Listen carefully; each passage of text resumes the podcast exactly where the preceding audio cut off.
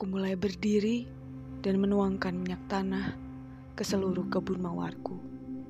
Pemantik sudah aku nyalakan dan api sudah menggodaku untuk tidak setia pada kecintaanku sendiri. Lama aku diam. Apa aku harus benar-benar menghilangkan mawar-mawar ini dari hidupku? Tak lama, langit siang ini begitu gelap aku harus segera menghanguskan kebun mawarku. Karena jika tidak, perkataan Opa akan selalu benar selama-lamanya. Ya, aku akan selalu terluka karenanya dan siapa pun bisa terluka. Aku mulai mendekatkan pematik api yang kupegang pada salah satu pohon mawarku dan api mulai menjalar ke seluruh kebun mawarku. Aku mulai berjalan tanpa melihat ke belakang, tanpa melihat kebun mawarku. Asapnya sudah mulai terbang ke langit. Aku hanya menghirup wanginya yang perlahan menghilang. Aku kembali pulang sambil membawa kaleng kosong tanpa isi tanah ataupun air. Opa sudah duduk di kursi goyang. Entah sejak kapan Opa memindahkan kursi goyangku ke teras rumah. Opa merasa itu kursi goyang miliknya, padahal aku yang membelinya. Manusia itu memang menyebalkan. Aku selalu bertanya dalam hati, kapan manusia tua ini mati? Karena meninggalkan rumahku pun tidak dia lakukan. Aku malas mengusirnya atau menanyakan kapan opa pergi dari rumahku.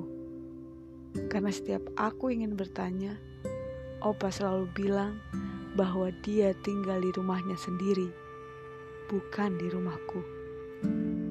Semuak-muaknya aku pada opa, opa selalu mengajarkan padaku bahwa senyum itu sulit. Tapi entah kenapa, aku bahagia dengan perkataannya. Kenapa kamu membawa mawar yang opa petik, Cuk?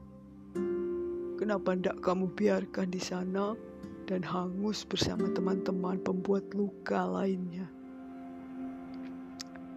Aku ingin menyelamatkannya, Opa. Menyelamatkan untuk apa, Cuk? Kamu sama sekali tidak mempertahankan hidupnya. Lihatlah, kamu memasukkannya ke dalam gelas tanpa memberikan tanah ataupun air yang bisa membuatnya tetap hidup. Jangan pernah mengajariku tentang itu, Opa. Ini caraku untuk tetap bisa melihat kecintaanku. Dasar bodoh. Kau akan menyiksa dirimu sendiri jika kau melihatnya seperti itu, Cuk. Dia akan mati perlahan. Menurutmu, itu kebahagiaan, Cuk. Aku hanya diam. Aku meletakkan gelas berisi mawar yang opa petik tanpa memberikan tanah ataupun air di dalamnya. Sambil berjalan masuk ke dalam rumah, aku berkata, "Biarkan mawar itu tetap di situ, Opa. Jangan pernah berusaha membuangnya.